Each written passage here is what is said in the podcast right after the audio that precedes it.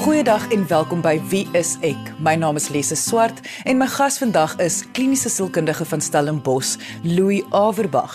En ons gaan gesels oor egskeiding. Want soos mens myself kan indink, in hierdie tyd van inperking, moeilike ekonomiese tye, is die syfers van egskeiding ook besig om te styg. So ons gaan praat oor hierdie keuse en watter opsies 'n mens na kan kyk voor 'n mens besluit op hierdie groot stap van egskeiding.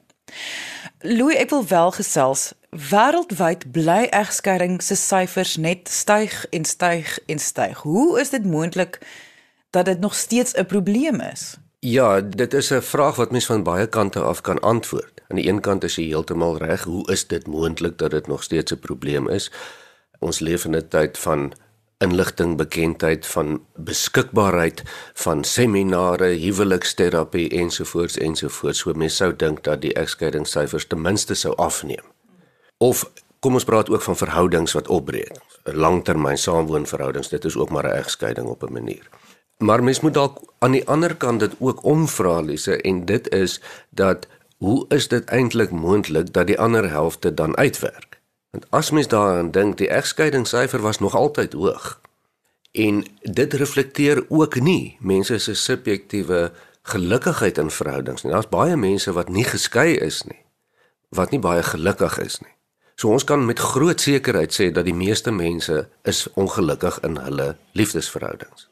Daar's geen twyfel daaroor nie. Hoekom is dit so? Dis dan die vraag. Hmm.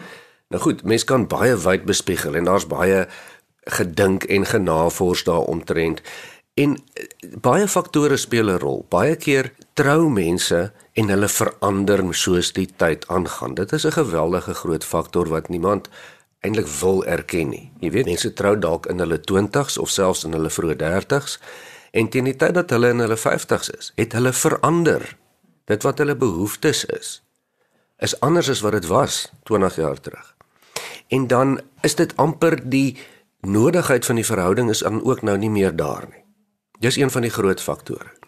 Daar is baie faktore soos ekonomiese druk, finansiële druk, kinders wat kom, familiefaktore, nê.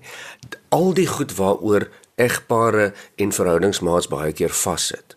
Maar as ons dan praat van verhoudings wat nie uitwerk nie of huwelike wat nie uitwerk nie, waar albei wou gehad het dit moet uitwerk dan is die grootste rede daarvoor dat mense nie hulle konflik, hulle verskille tot 'n vergelyk mee kan kom nie. Selfde belangstellings, oortuigings ensovoorts. Ja, dit is nogal belangrik baie keer is dit meer belangrik en partykeer minder belangrik, maar dit is nie die grootste bepaler nie. Die bepaler gaan wees dat as albei mense graag eintlik wil hê dit moet uitwerk en hulle kry nie reg dat dit uitwerk nie, is dit omdat hulle nie hulle verskille oordentlik kan op, oplos nie. Ons praat amper van die eenvoudige woord van konflikbestuur as mens dit nou uh, so wil noem. So eenvoudig soos wat dit klink, deur te sê dat albei partye moet wil, wil hê dit uitwerk. Is dit nog 'n baie komplekse sin wat jy daar sê, want mense ag baie aan daardie keuse. Met ander woorde, ja, ek wil hê dit moet uitwerk, maar dit moet uitwerk omdat ons het kinders.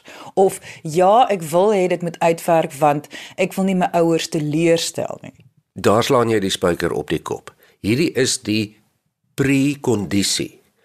Verhoudings kan nie werk as net een party wil nie. Al sê die albei partye hulle wil.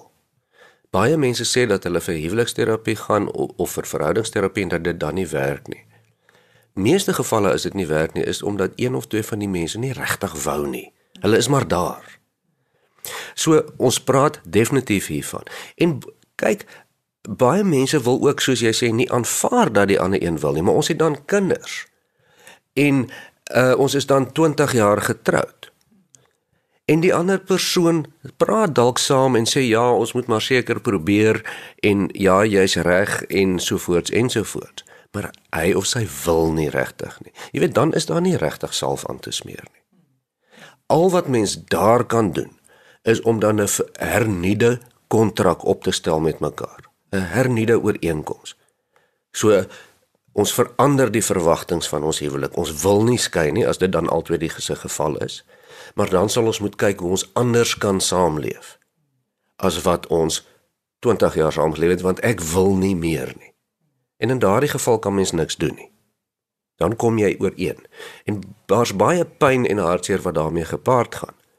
Van 'n uh, een huweliksmaat of een verhoudingsmaat wat verwagtinge het van die ander persoon wat nie daaraan wil voldoen nie en ek sê wil voldoen want almal kan daaraan voldoen.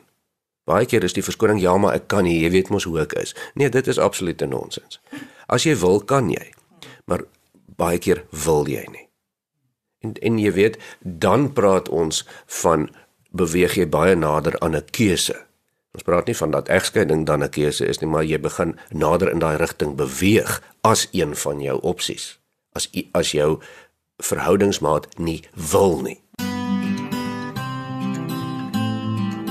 Wanneer mens praat van egskeiding of skeiding of die opbreek van 'n verhouding, is die punt tog dit is die hooplik die laaste opsie.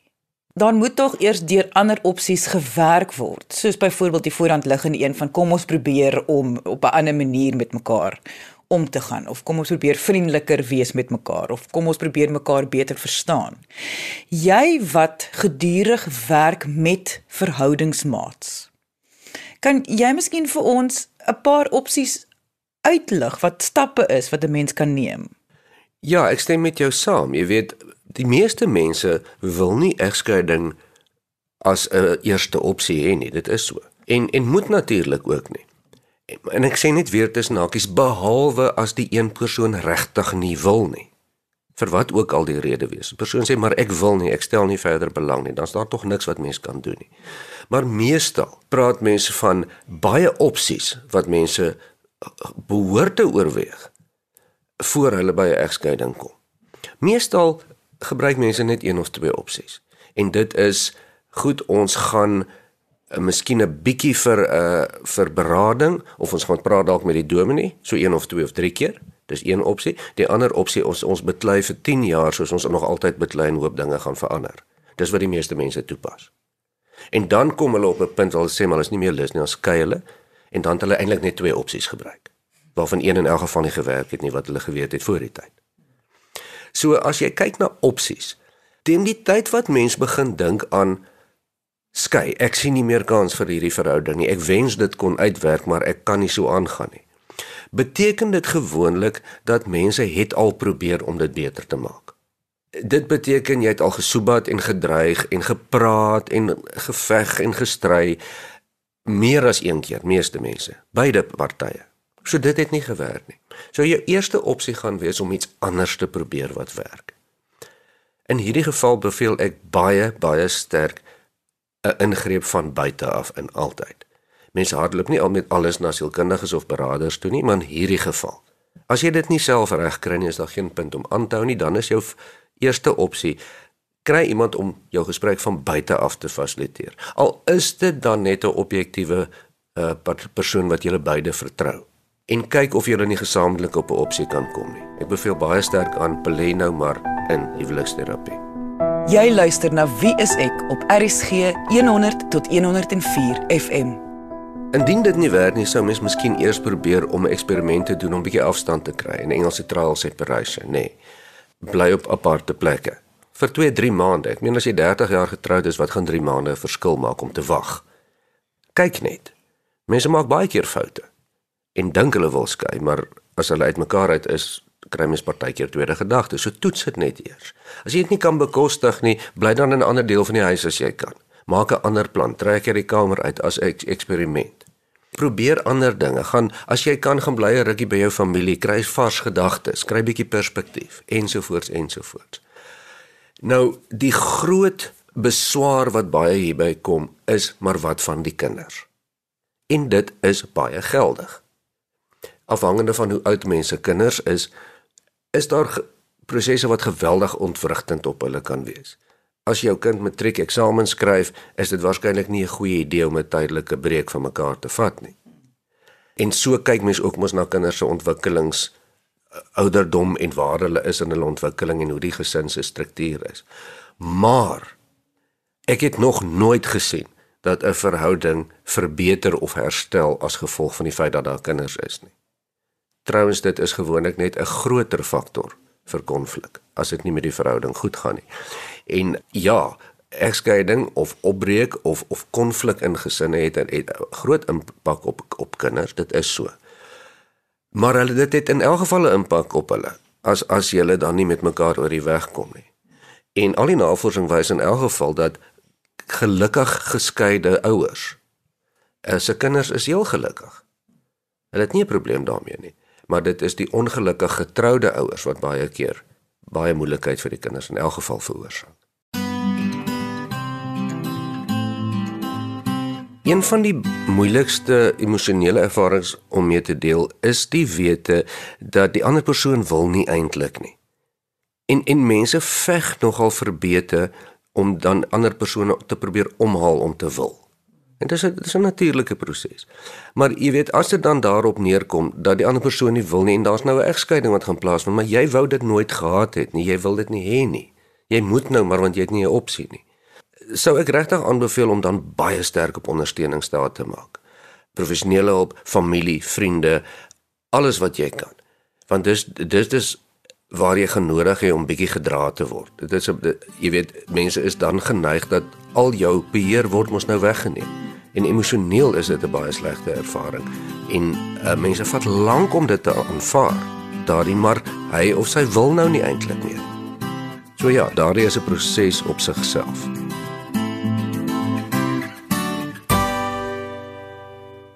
Indien jy nou eens ingeskakel het en graag die volledige episode wil luister, kan jy die pot gooi gaan aflaai op RSG se webwerf by rsg.co.za. Louis voor die advertensiebreek het ons gepraat oor hoe geen intervensie gaan help as albei partye nie wil bly in die verhouding nie. Ek wil graag bietjie fokus op ander faktore wat ook wel 'n rol kan speel. Jy sien tog kliënte wat albei wil, maar daar's nog steeds ander goeters wat intree wat dit geweldig moeilik maak vir hulle om by mekaar te bly.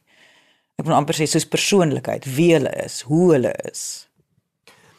Ja, natuurlik, daar is baie faktore wat 'n rol speel. En jy praat nou van passing of pasbaarheid, matching, nee. Wat is dit wat mense laat pas? Wat dit makliker maak. Hierdie is eintlik twee afsonderlike dinge. Wat maak dit vir egpare lekker om by mekaar uit te kom en om te wil saam wees? Is nie presies dieselfde as wat gaan maak dat hulle verhouding werk nie. En nou moet ons ook net gou tussen hakies definieer wat beteken dit werk? Wanneer werk 'n verhouding? Dit is wanneer albei sê hulle is gelukkig met die verhouding en hulle wil dit graag nog hê. So dit wat hulle bymekaar bring en wat hulle vir mekaar hou is nie dieselfde as wat dit gaan laat werk nie. Nou daai deel wat mense so half bymekaar hou, al die lekker dinge wat wat mense uniek vind in mekaar.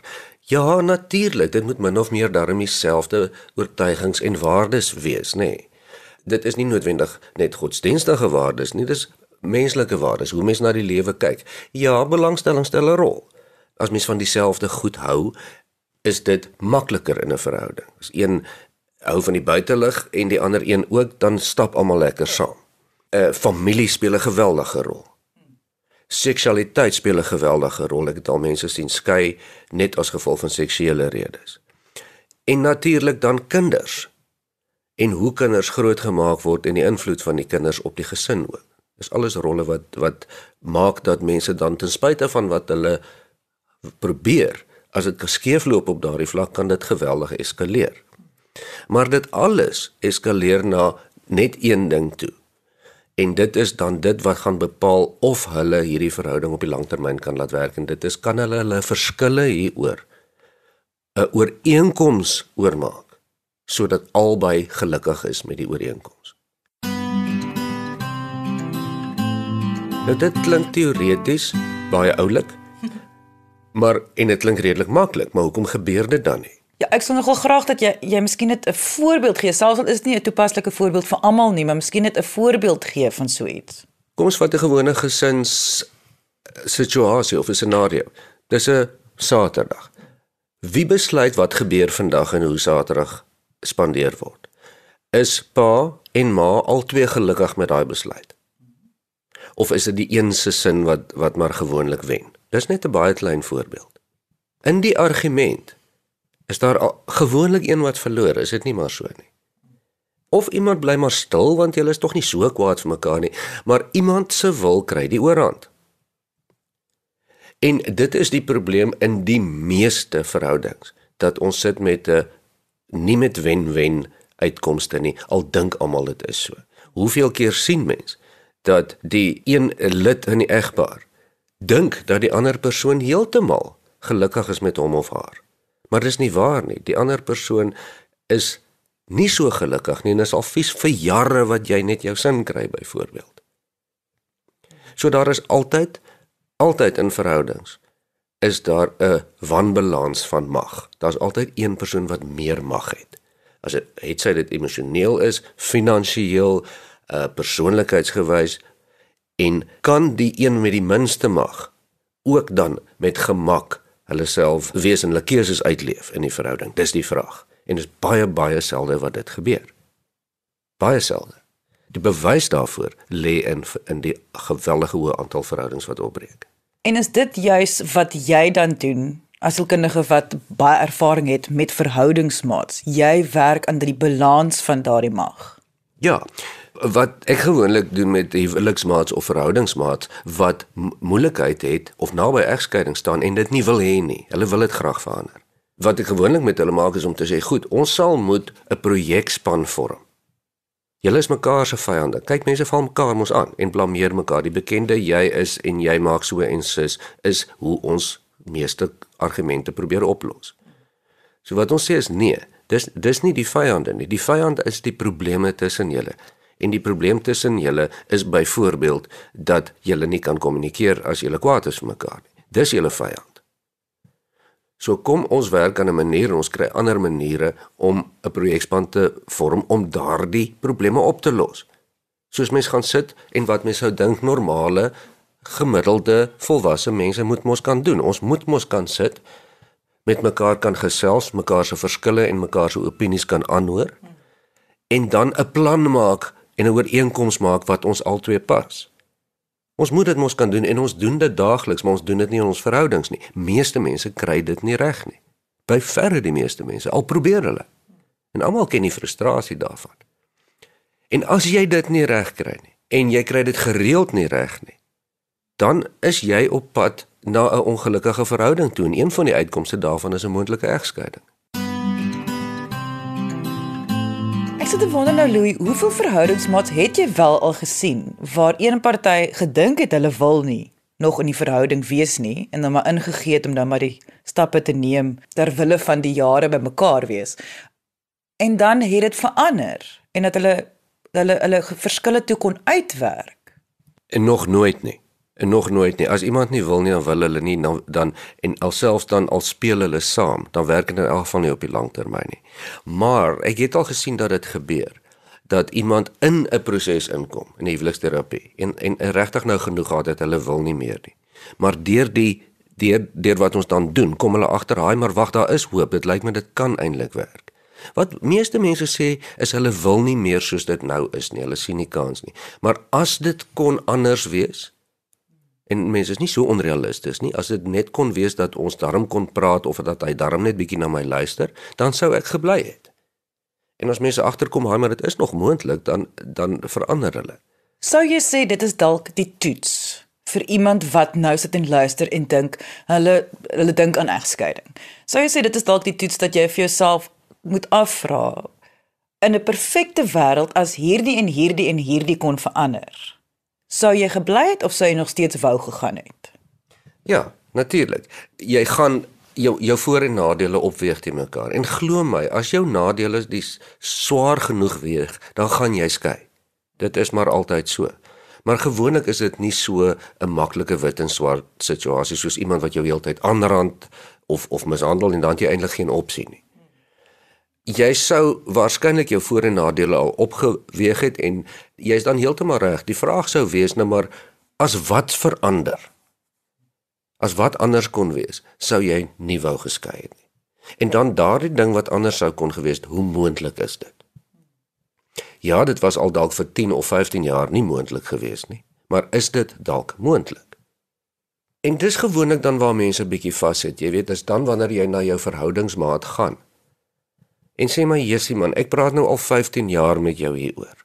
Ek wil net hê jy moet bietjie met my ook gesels. Jy moet net bietjie na my luister. Ek het dit mos nou al 10000 keer vir jou gesê. Asseblief, gaan jy dit nie nou maar begin doen nie. En dan werk dit gewoonlik nie. Veral as dit vir 15 jaar nie gewerk het nie. So dan moet jy iets anders probeer kry. Sê maar luister, ons gaan dan moet skei as ons nie hierdie ding kan uitsorteer nie. Ek kan nie meer so leef nie. Of en hier is waar ons vra doen net iets anders. Trek uit die kamer uit. Sê vir my sê vir die huweliksmaat, maar dan gaan ons anders moet leef. Ons kan nie net so aangaan nie want ons sal iets moet doen. En die iets moet doen is myns insiens gewoonlik op daardie punt om 'n derde party in te kry. Want saam kry julle dit nie reg nie. Soek jy 'n professionele persoon in jou area, gaan kyk op die WSE kontaklys by www.wse.co.za. Ek wil graag jou opinie hoor. Voel jy dat mense skei te maklik? Lisa aan die een kant ja, maar ek dink baie meer as dit, voel ek dat mense trou te maklik. En mense weet nie waarvoor hulle in is nie. Hulle maak nie ooreenkomste voor die tyd nie. Mense kyk nie dat jou ononderhandelbare voorwaardes regtig nie ononderhandelbaar is nie. Jy dink mos die persoon gaan verander, hulle gaan nie verander nie. Ja, daar's baie mense wat net maklik skei en dit is mos nou nie reg nie op baie vlakke want hoekom trou jy dan in die eerste plek? Dan hoef jy nie die moeite te gedoen het nie. Maar meeste mense trou nie om te skei nie. Hulle hulle wil nie skei nie. Hulle het nie gedink hulle gaan skei nie maar hulle moes nooit getrou het met die persoon nie. Of hulle moes vroeër al ingegryp het. Of hulle moes langer gedink het met hierdie verhouding of hulle ooreenkomste gemaak het. Dit is wat oploop tot die egskeiding wat dit dan baie keer maklik maak. Ek voel baie keer as ek daaraan dink dat die huweliks of verhoudingsterapie wat jy doen, jy werk op die oomblik eintlik meer reaktief as wat ek glo soos in die ou dae waar sien maar Janie en Sunny net nou verloof geraak dat hulle die dominee gaan sien en nou eers mooi gesels oor die huwelik wat nou voorlê en dan het hulle eers getrou. En dit voel vir my hierdie terapie is iets wat alle mense wat verloof raak eintlik moet geld op spandeer om voor hulle trou om om om die probleme daar al aan te spreek en wat kan moontlik voorlê en hoe om oplossings te vind saam Ja en daar kan ek net saam met jou pleidooi lewer daar is verhoudingsmaat wat voor hulle nou in langtermynverhoudings gaan of trou, gaan hulle ook eers deur 'n deur 'n proses. En dit is baie baie slim. Al kyk jy net na koste, jy het geen idee wat jou koste van jou konflik wat nie opgelos word nie jou gaan kos in die toekoms nie. Dit is dis iets verskrikliks om nie eers van die emosionele impak te praat nie. So, jy weet, almal dink ons gaan nie deel wees van daardie statistiek nie. Maar meer as die helfte is. Jou kanse is groter dat jou verhouding nie gaan werk nie as wat dit is dat dit gaan werk. Jy luister na Wie is ek op RSG 100 tot 104 FM.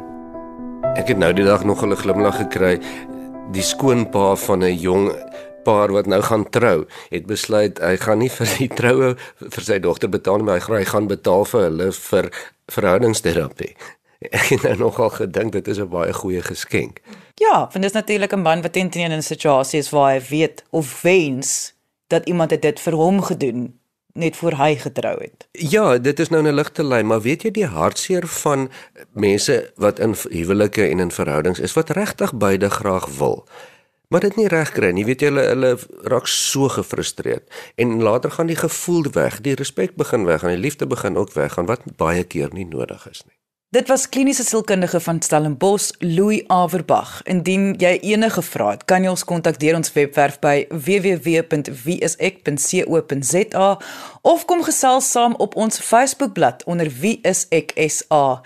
Ons het ook weekdae gesprekke met verskillende sielkundiges oor verskeie onderwerpe live op hierdie Facebookblad. So kom gesels saam. Baie dankie dat julle vandag ingeskakel het. Ons maak weer so. Volgende Vrydag 12:30 net hier op RSG. Jy moet 'n heerlike naweek hê en onthou, kyk mooi na jouself.